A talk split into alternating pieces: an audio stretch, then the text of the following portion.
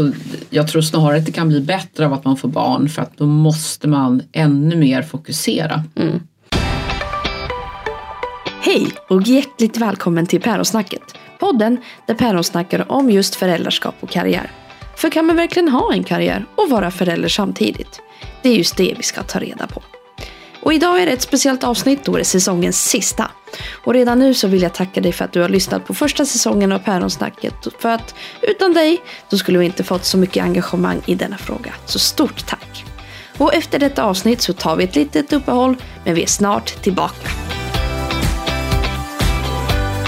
Idag ska vi få träffa Pingisberg Hadenius som civilekonom med ett förflutet i finans och skönhetsbranschen samt journalist. Sedan tio år tillbaka är hon entreprenör på heltid och har bland annat grundat Löwengrip Beauty, Ekonomista och Flattered. Idag är hon delägare och arbetande styrelseordförande i CBD-bolaget Hemply samt ledamot i fintechbolaget Novo.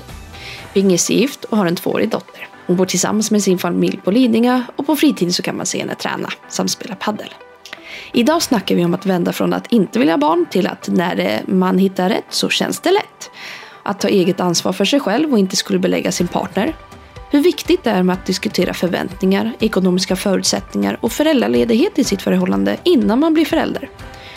Vi kommer även in på Pinges graviditet och hur allt kändes när det var turbulens kring Löwengrip i medierna. Men vi pratar även vikten av ordet, njutning och lycka. Så varmt välkomna till säsongens sista avsnitt. Hej Pingis! Hej! Varmt välkommen till säsongens sista avsnitt. Fantastiskt! Nej men alltså jag är så glad. Ja, det är jättekul att vara här. Nej men alltså jag är så glad, du förstår inte. jo men hela du lyser. Så att jag tror vi lyser i kapp här i, i liksom äh, äh, mörkret utanför. Ja, ja men det är väl mm. det. Jag tänker, är du redo? Yes. Då kör vi igång med fem snabba frågor. Ja. Ordning och reda eller ordning via kaos? Ordning och reda. Alltid? Om det alltid är ordning och reda? Mm. Ja men jag har nog bra ordning och reda, yes. Och eh, ett bra minne. Mm. Ja men det är bra. Gå på kurs eller learning by doing? Lite mix men mer learning by doing. Mm. Jag, jag tänker, som entreprenör är det väl så. Mm.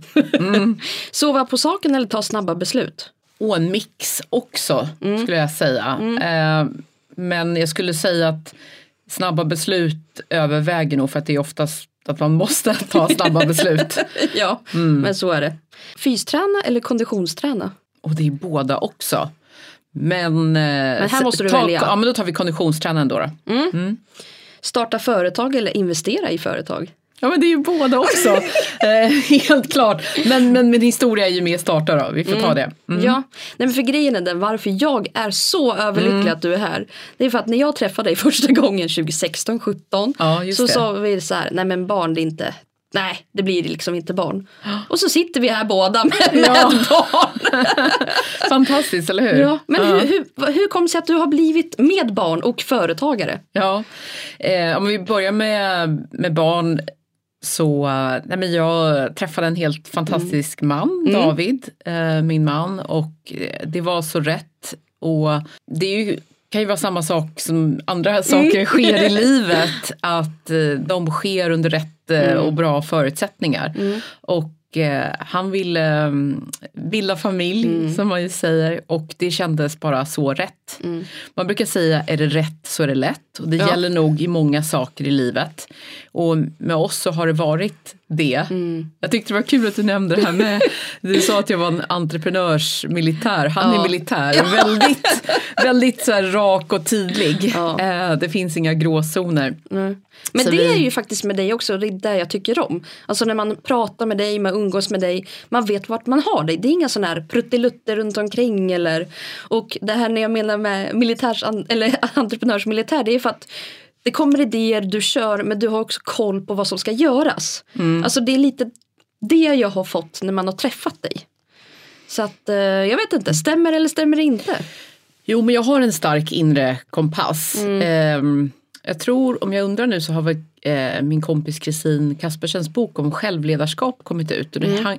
hänger ihop mycket med det. Mm. Det här egna inre drivet att veta vad man ska och, och eh, känna sig trygg i och veta vad man kan hantera och kanske inte hantera. Mm. Det skulle jag säga att jag har tränat upp Mm. eh, genom åren så jag vet eh, vad jag är bra på att göra och inte. Mm.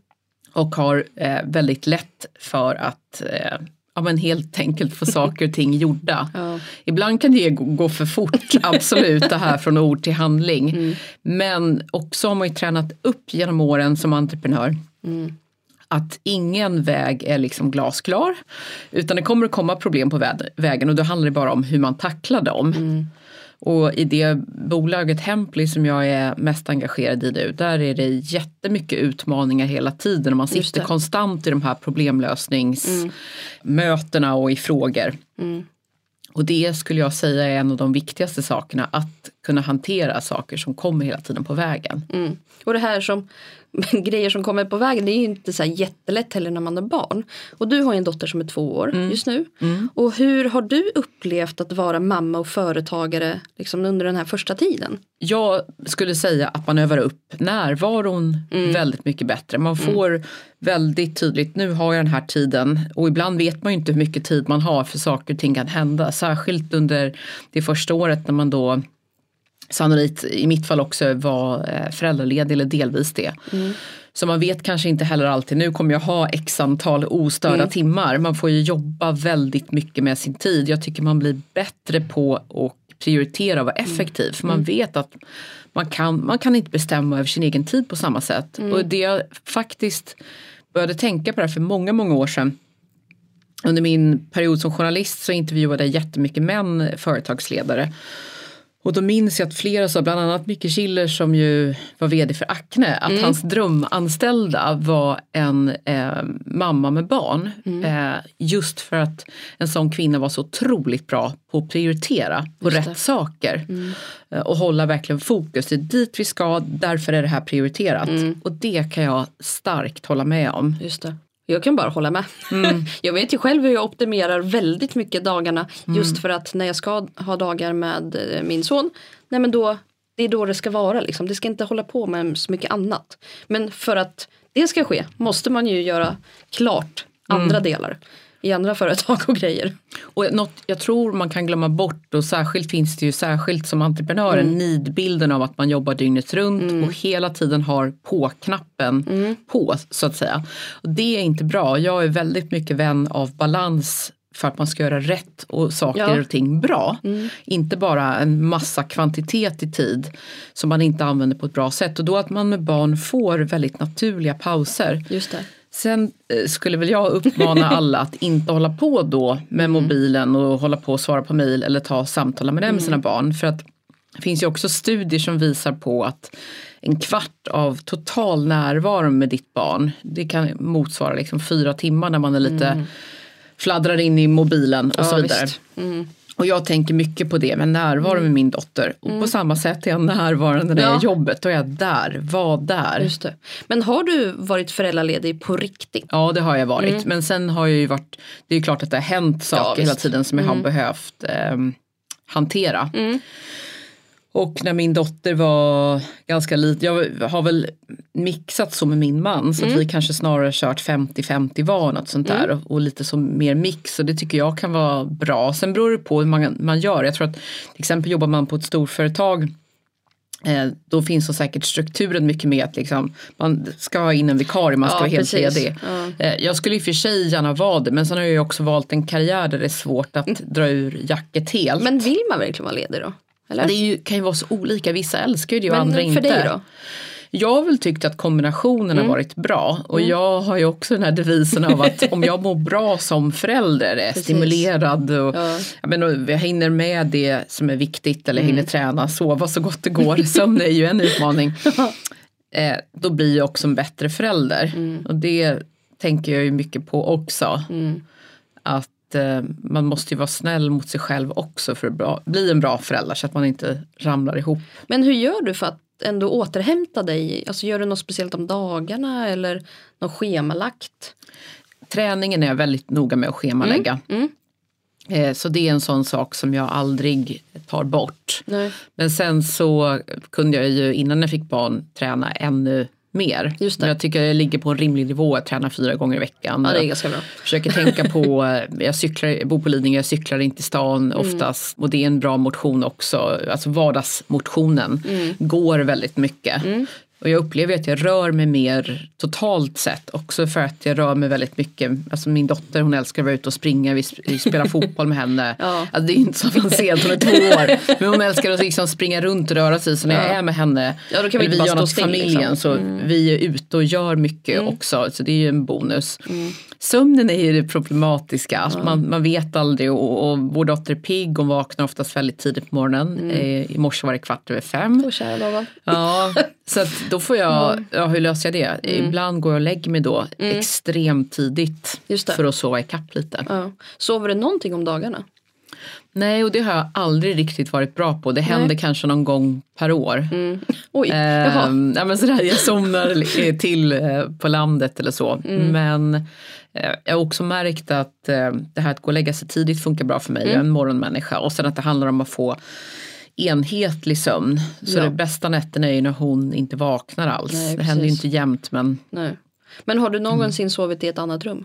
eh, ja absolut. Alltså du menar en vår dotter? Ja, Ja. absolut. För jag är ju också i den fasen att jag sover i ett annat rum där min man får ta hand om vår son om han vaknar på natten. Och helt plötsligt, jag känner mig som en människa igen. Mm.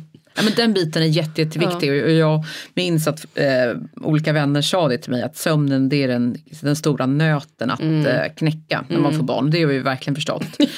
Så det är återigen där, det handlar ju också om att planera och jag och min man eh, men vi har en väldigt schysst och bra dialog om det där hela tiden. Liksom. Hur har du sovit? Behöver du sova igen en natt? Och så vidare. Ja, så det är det. viktigt att få tid ihop Ja. också. Men det är viktigt här att Eh, där skulle jag faktiskt säga att vi är bra på det. Att Liksom, vi ser över en vecka och ser, liksom, får vi tid ihop Mm. all, allihopa, gör saker. Det är kul för oss, det är jättekul för vår dotter. Mm. Eh, men också det här att vi försöker planera in så att man får några timmar egen tid på helgen. Vad man nu än behöver göra, om det är jobba, träna eller vad det nu än må vara. Mm.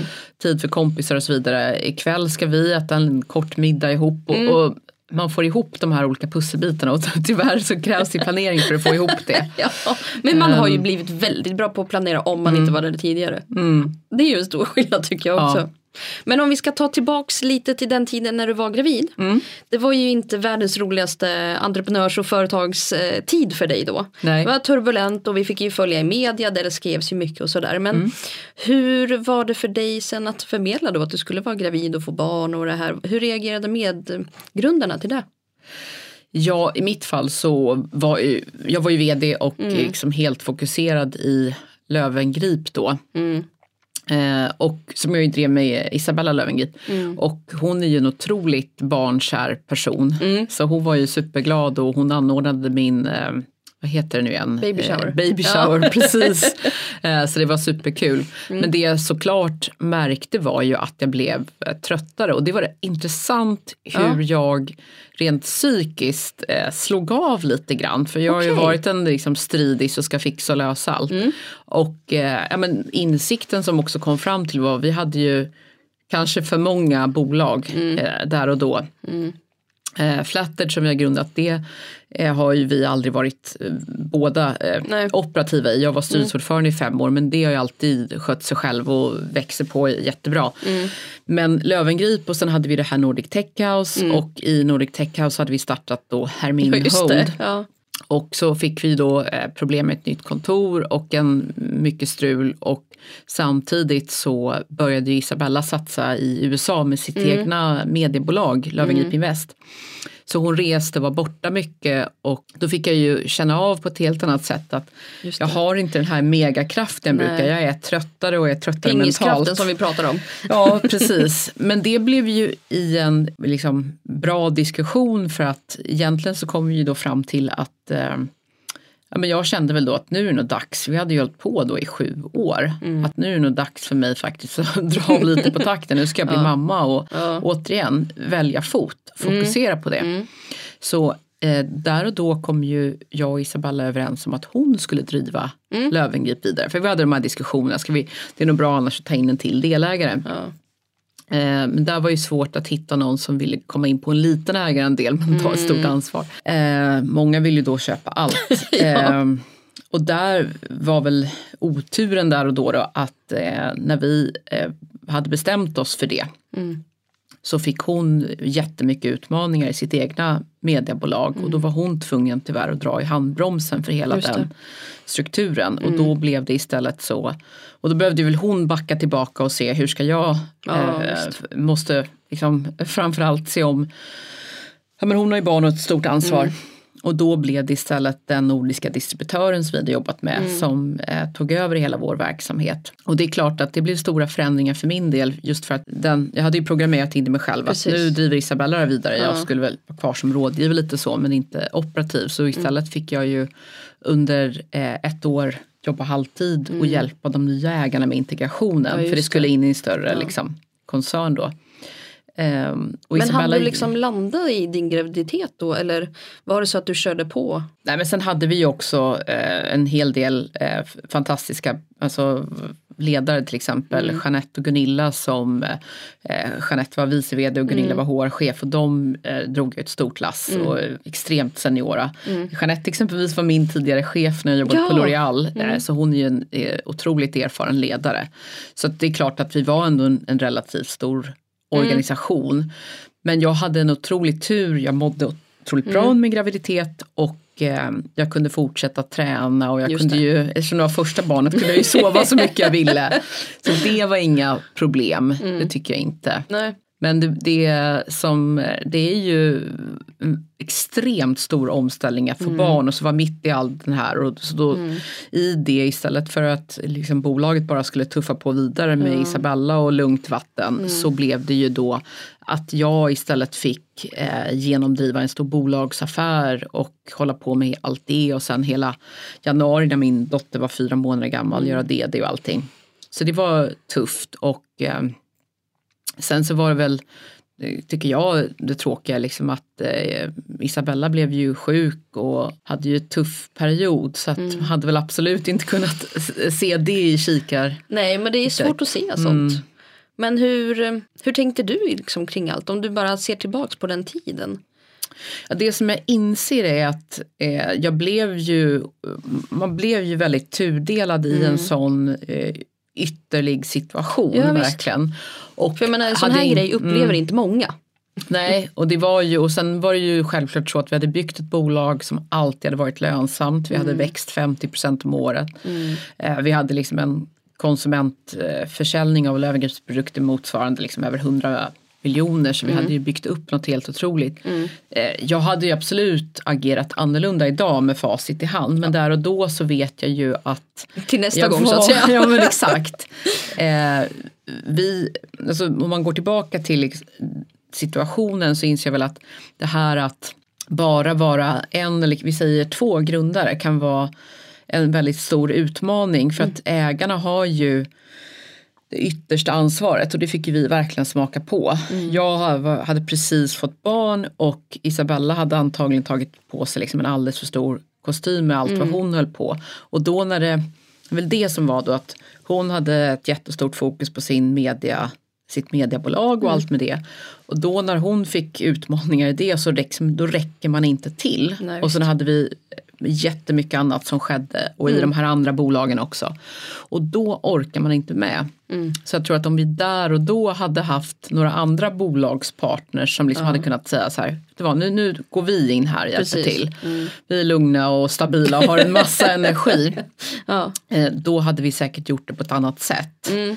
Eh, men när vi båda blev försvagade så tyvärr agerar man därefter. Det väl en sanning Mm. Ja precis. Nej men det är ändå alltid intressant att höra för att man har ju bara fått följa det här som media gärna visar. Inte vad som hände egentligen och hur man mådde. Det är väl det som är, tycker jag, det intressanta i det, allt det här. Jag tänker det här när du sa också att, att du var lite försvagad under stunden. Tycker du att barn är en karriärbroms? Det är nog otroligt individuellt och det beror på eh, hur man är i grunden som människa också. Jag är en väldigt positiv person och låter inte saker och ting eh, eh, förhindra mig. Det ju, kan man ju säkert använda barn och säga liksom, att livet blir så tufft och jag, jag orkar ingenting. Då skulle jag ställa mig frågan om det är någonting jag verkligen, verkligen vill, varför ska det här hålla mig tillbaka? Sen får man absolut ha respekt för att alla kan få väldigt olika barn, Ja. ha olika utmaningar. Har man ett barn som får liksom kolik de första månaderna, då är man nog inte så tuff. Nej. Nej. Och det kan hända alla möjliga saker. Så det är nog otroligt individuellt. Och det kan också handla om, om man eh, säger att man är anställd, att man har utmaningar med sin chef eller någonting och, och vad man kan styra och inte. Men återigen, jag tycker att eh, jag får en mycket bättre närvaro och eh, blir bättre utifrån liksom, karriär eller, eller då entreprenörshänseende. Ja, för jag tänker också så här, det är ju väldigt många också som startar företag under föräldraledigheten. Varför tror du att det är så? Ja men det är ju för att man stannar upp och för en gångs skull sannolikt eh, reflekterar och känner efter vad man vill. Och man kanske går ut och rullar barnvagnen mycket och kan gå och tänka och prata och så vidare. Så på så sätt tycker jag en, en jättehärlig period. Herregud vad jag har gått och rullat vagn, vad härligt. Ja. eh, men man kan också ha tillfälle att träffa spännande människor och så vidare. För det är ju också många som byter jobb. Mm. Jag tror jag har, jag har en vän som har tre barn. Mm. Byter jobb varenda gång under föräldraledigheten. Så det är väl kanske någonting som händer då att man börjar tänka, man kanske tänker lite mer på sig själv också. Mm. Ja, absolut. För på något sätt blir det också så här, man får ju inte det här fokuset på sig själv längre, att man kan ju inte sätta sig själv i centrum. Men den delen som ändå är en själv i form av jobb, karriär, företag, så kanske man ändå känner att så här, ja, men nu vågar jag satsa, nu kan jag satsa på mig själv. Ja, men det blir ju att man, man får reflektera på ett annat sätt. Samtidigt händer väldigt mycket i ens liv. Så att det är ju många saker som förändras på samma gång och då skiftar säkert ens prioriteringar också. Ja.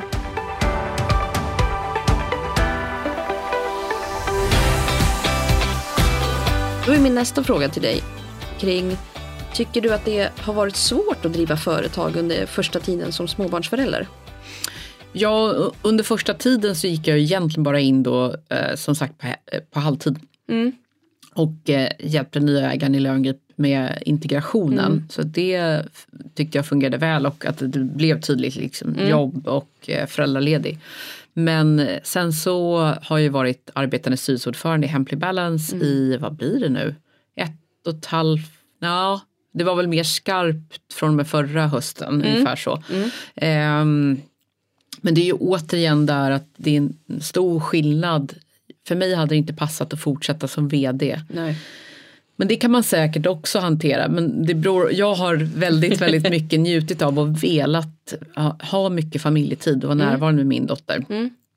Och då har det varit väldigt eh, kul att ha den rollen för att jag har jobbat mycket men i en sån typ av roll eh, så dels kan man jobba mer självständigt eh, och det blir ju också alltid så om man är ledare i någon form och har ett ledaransvar och alltså personal eh, så kan man inte heller styra sin tid på samma sätt. Nej, precis. För att man måste vara standby, det kommer frågor hela tiden och att man inte blir en flaskhals. Eh, Så det har varit väldigt bra för mig. Sen har det varit eh, arbetsintensivt men eh, jag upp, kan inte svara på om det är rätt eller inte men jag upplever att mycket kvalitetstid och närvaro har gjort vår dotter väldigt trygg så att det har varit otroligt lätt och hon kunde börja förskola direkt och det har funkat väldigt väl. Ja. Vilket ju också har gjort att hon är glad och trygg och då Blir ju ni som Blir föräldrar också trygga. Ja, men du har inte heller haft några problem med henne på något sätt heller, vilket såklart ändå gör att hela livet och hela livspusslet är mycket lättare. Men har du tagit med henne på möten eller att hon ändå varit närvarande vid jobb? Ja, i början så gjorde jag nog det eh, lite ibland, men inte jättemycket. Nej. Nej, jag har inte behövt det heller.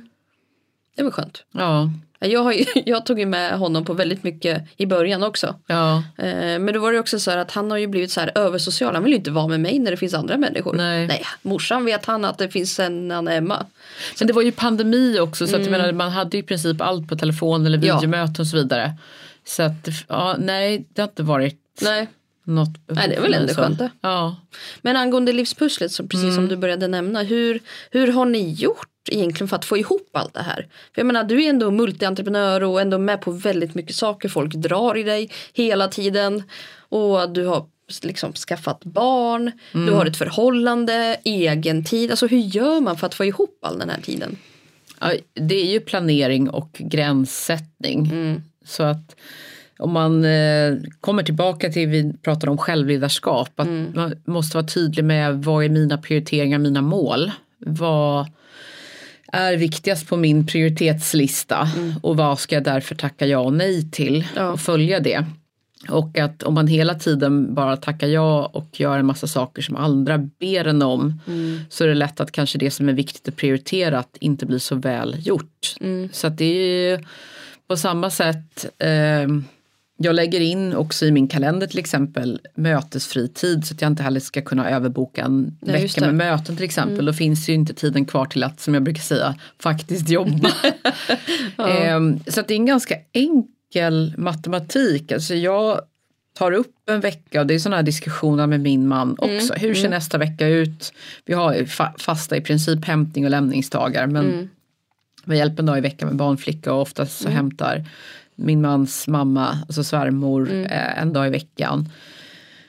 Och så lägger jag in allting som jag vill ska göras. göras. Mm. Och finns det tid för några extra saker, men då får de komma in annars inte. Så jag gör det inte så komplicerat. Nej. Och samma sak då, vad är viktigt för mig? Ja, men det kanske är, tycker ibland spela paddel med kompisar och sen så är det min träning. Mm. Och sen se till att, ja men det går inte heller, jag vet att det, det är helt ohållbart det här med överboka eller Mm. om man skulle ha för många sena kvällar eller jag kan inte heller sitta sent och jobba. Nej. Eh, För att sover jag inte bra, ja men då blir jag inte heller effektiv. Så Mm. det handlar om, för mig har det varit att öka min effektivitet så jag får mycket gjort Mm. när jag väl jobbar. Men det är det här jag gillar med dig. Det är inga konstigheter, det är inga krusiduller liksom. Det är, det det här jag menade. Det är inget sånt. Det är precis det, här är pingis för mig. Ja, ja. Men, eh, men om, också så här, för du har ju ändå tagit in en barnflicka som hjälper till. Ja. Är det något annat du har tagit eh, hjälp av för att liksom klara av vardagen? Eh, jo men jag har väl alltid haft eh, städhjälp Mm. hemma. Det är en sån sak. Och sen så kan det ju också handla om att man har en tydlighet i sin eh, alltså relation, vem som Mm. gör vad. Eh, så att man har delat upp det och har en, bara en tydlighet och trygghet i hur man vill ha det hemma. Just det. Eh, Ja. Och det kan ju vara allt. Man kan ju liksom låta tiden ätas upp av att småhandla hela tiden Mm. eller slänga in en tvätt lite här och där. Eh, Så försöka dela upp ansvaret hemma och då blir det heller inget tjafs Nej. om det. Ehm, Men så hade att ni jobba på kommunikationen. Mycket, ja, förlåt. Hade ni jobbat mycket eller pratat mycket om det innan hur ni ville ha det eller har det kommit under tiden? Ja, och det upplever jag påverkar otroligt mycket. Mm. Man har en ren och liksom fin, trevlig energi mellan varandra och kommunicerar rakt så att Mm. man inte håller på. Jag kan ta ett exempel att om jag säger till min man, åh vad jag har sovit dåligt i natt. Mm. Så skuldbelägger inte jag honom eller att det är hans fel att jag har sovit dåligt. Mm. Och den saken är tydlig för då skulle det annars kunna bli så här, vadå för att du sovit dåligt, det är mitt fel och så just kommer man igång i en dålig spiral. Mm. Utan då har vi snarare en diskussion, oj du sov dåligt i natt, hur gör vi så att du får sova igen i natt då? Mm. Och, och samtidigt ha en öppen och rak diskussion hela tiden Mm. om vad man har för behov. Ett problem kan det bli om man inte exakt vet vad ens behov var eller var ens gräns går. Och då kan det kanske lättare bli tjafs i relationen. Så Mm. att om man går tillbaka till, vi pratar om hur man planerar sin vecka. Mm. Så att det inte blir på torsdag och fredag, Åh, jag har inte hunnit träna på hela veckan. Och så blir det massa tjafs. Att det ligger på ens eget ansvar. Man måste göra sin egen planering. Eller om jag kan säga till min man, jag kan både hämta och lämna, eller han Mm. säger det. Vi är trygga i att när man säger en sån sak så har man tagit ansvar för sig själv. Att det är faktiskt något man har tid till och orkar. Och att man inte behöver springa runt och oroa sig för, är den andres behov tillgodosedda? Nej, precis, ja. Jag springer inte runt och oroar mig för, kommer min man att hinna träna så mycket som han Nej. vill den här veckan? För jag Ja. vet att han tar ansvar för det själv. Och det är väl det man ska göra som vuxen människa Ja. eller? Jo, men det är ofta Mm. det där det blir problem för att man först när man liksom är u- övertrött eller liksom helt urholkad, Mm. då rinner det över och då inser man lite när det är för sent Så att lära känna sig själv och veta vad man behöver Ja. är otroligt viktigt. Mm. Och jag skulle råda alla att innan man skaffar barn har en jättetydlig dialog vad ens förväntningar Mm. är på det här. Allt ifrån hur man ska dela upp föräldraledigheten men sen framöver och också allt ekonomiskt som Ja, kanske visst. kommer också. Mm. Hur man hanterar vab och, och alla sådana bitar. Ja. Eh, vi har till exempel en förskola som är ett sånt här föräldrakooperativ så det är jour en gång i månaden. Mm ska hoppa in på. Då måste man också planera. Ja. vem är ansvar för den här Precis. jourdagen om den blir Mm. realitet. Och kommunikation är ju, kan vara så enkelt men det blir så lätt Ja. om man kommunicerar allt och har en tydlig dialog med sig själv Mm. så man vet vad man mår bra av och inte. Ja. Men har du ändrat, förutom då träningen har minskat, någonting i din livsstil sedan du skaffade barn? Men jag har ju börjat jobba med, eh, med Hemply Balance och Mm. med eh, CBD som jag är väldigt eh, intresserad av och hela det här endokannabinoida systemet eh, som, som finns i kroppen. Mm. Som ja, men är viktigt för balans och eh, det man kallar för homeostas. Ehm, så att eh, CBD har blivit en naturlig ingrediens i mitt liv Ja. eh, sen jag skaffade barn och det är ju för att som, sömn till exempel alltid varit jätteviktigt för mig men det kunde jag ju planera och styra på ett annat sätt innan jag fick barn. Nu kan man inte det och då måste man tänka om Mm. eh, helt enkelt. Så att eh, det är ju lite större påfrestningar på kroppen och då måste man parera på något sätt Just det. helt enkelt. Vill du berätta lite mer? Ja, så CBD eh, står ju för, för cannabinoider och eh, man, man utvinner ju det då ur industrihampa. Det finns ju droghampa och det finns industrihampa. Och eh, eh, industrihampan är väldigt rik då på eh, cannabinoider, eh, förkortat CBD. Och det har började forskas ganska sent kring det här men när man då till exempel till, tillsätter det i kosten som ett kosttillskott så balanserar det kroppens egna endokannabinoida system. Mm. Så eh, man får väl eh, inte, ja, eh, det är ju någonting som man själv kan läsa på om hur det här systemet funkar och så vidare. Det kan ju vara olika för alla. Mm. Eh, men det har en, gör att man får en bättre balans helt Balans. enkelt. Ja. Så att eh, det, det förbättrar mitt, Mm. eh, mitt välmående och balans. Och Kort vad och är det mer för ingredienser du behöver för att balansen ska bli bra? Men det är ju bra sömn. Mm. Och sen så är det ju att man känner just att man är i kontakt med sig själv och att man styr sitt eget liv och mår bra och så till att man så mycket som det bara går gör de saker som man mår bra av. Att man, eh, och att man inte känner sig som någon form av offer i sitt eget liv utan Nej. det här att man lever i trygghet och känner att eh, särskilt nu när vi är inne i en mörkare säsong Ja. eh, att glaset är mer halvfullt än halvtomt. Man fyller på med rätt saker. Och jag stannar ofta upp i vardagen och tänker på vad som är liksom härligt och lyx för mig. Och det är ju verkligen tiden med min man och min dotter. Bara en sån här sak att vi ligger i sängen och vi läser en bok med Pippi och då kan jag bara, det är som att ta en bild där och då. Det här är så mysigt. Ja. Men njuter du också? Ja, Mm. och det är jätteintressant att du tar upp njutning. Eh, Min syster Hilder som jag delvis jobbar med, hon är ju otro, vad hon har lyft fram Mm. ordet njutning som viktigt för att motverka stress. Och det är just det där, njuta i Mm. Ja, stunden, visst. vara närvarande. Det här är en sån härlig stund eller känna åh vilken god juice jag dricker. Mm. eller vad härlig den här promenaden är. Jag känner solen på kinderna. Att, ehm, och det handlar ju om närvaro också, att tillåta sig att njuta. Jag Mm. tror att det kan vara ett problem idag. Man blir lätt stressad, ängslig av alla krav. och kan man gå tillbaka till och själv säga, men det är jag som styr mitt liv ändå. Mm. Och eh, njuta mer så kan man sannolikt minska sin stress i livet och må ännu bättre. Har du jobbat mycket med stress och sånt innan? Ja, men jag tror jag blev färgad ändå av att både min mamma och syster gick in i väggen och kände att det där ska aldrig hända mig. Nej. Och jag inser att eh, många år av terapi hjälpte mig just det här med gränssättning. Mm. För jag var ganska dålig på det innan. Och då blev jag väldigt mycket en, ehm, man kallar det en sån här psykologisk pyramid, att man är tyrann, offer eh, eller hjälpare. Jag var väldigt mycket, och då är man inte i trygghet. Mm. Så för att komma till trygghet behövde jag jobba bort väldigt mycket den här hjälparrollen. Mm. Jag skulle finnas till hands eh, för allt och alla. Mm, Och det ger en form av gratifikation hela tiden. Jag gör så himla mycket sa jag till mig själv. Jag är ju här och där Ja. och jag sprang var på extremt mycket event och så vidare. Men kvaliteten blev ju lidande och jag insåg själv att jag var inte lycklig. Det var något som skavde trots att jag alltid varit en glad person. Mm. Och det var ju också för att jag hade jättedålig kommunikation och kontakt med mig själv. Vad är det Okej. jag vill? Ja.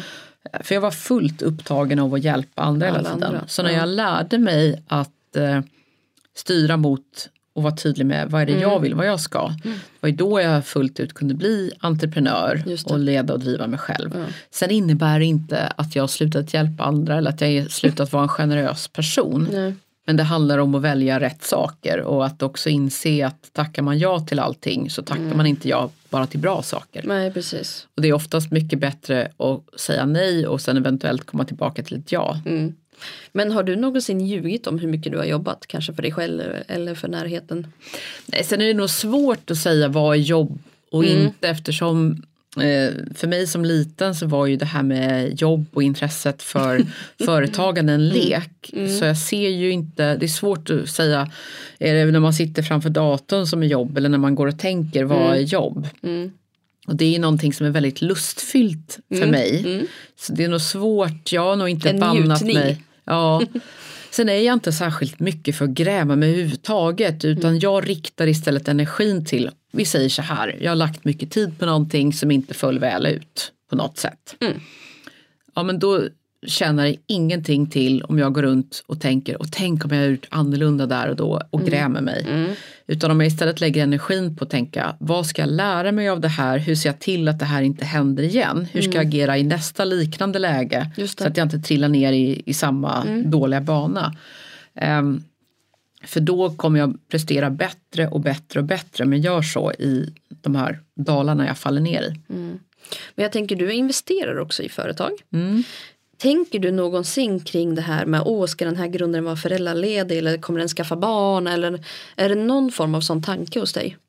Nej, för att drivet sitter ju i vad det är för människa och en duktig person kan hantera det där. Och jag tror inte heller, det är inte heller bra med någon eh, som har obegränsat med tid. För det är inte säkert, alltså tid Ja.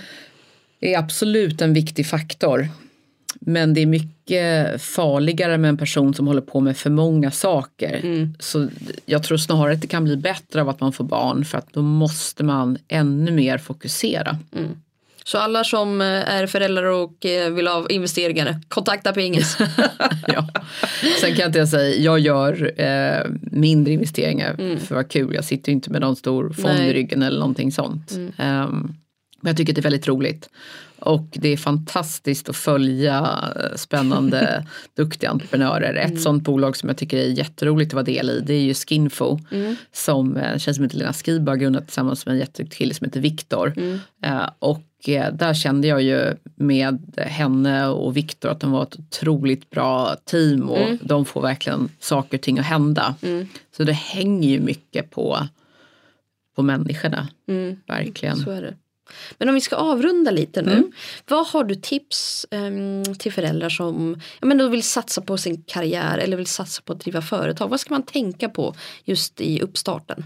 Tillbaka till det jag sa tidigare med att lära känna sig själv så att man blir väldigt klar och tydlig med vad man tycker är roligt och inte och hur man vill jobba också. Jag har diskuterat det med en del vänner som faktiskt varit inne i det här med byte att också hur man vill jobba idag. Vi pratade ju om pandemin, eh, trivs man med det här hybridlivet om jag hoppar på exempelvis det här jobbet, kommer det innebära pendling eller kan jag jobba hemifrån? Jag tycker också sådana saker är viktiga och spelar in och blir viktiga när man har barn eh, hur det blir. För att liksom fungerar det här grundläggande med hur man jobbar då kommer ju också prestationen bli bättre. Ska man sitta och pendla två timmar om dagen ehm, så den biten tycker jag är grunden. Men sen så handlar det om att om man också ska göra ett bra jobb så måste man hålla på med någonting som man till största delen tycker är roligt, motiveras av, utvecklas av.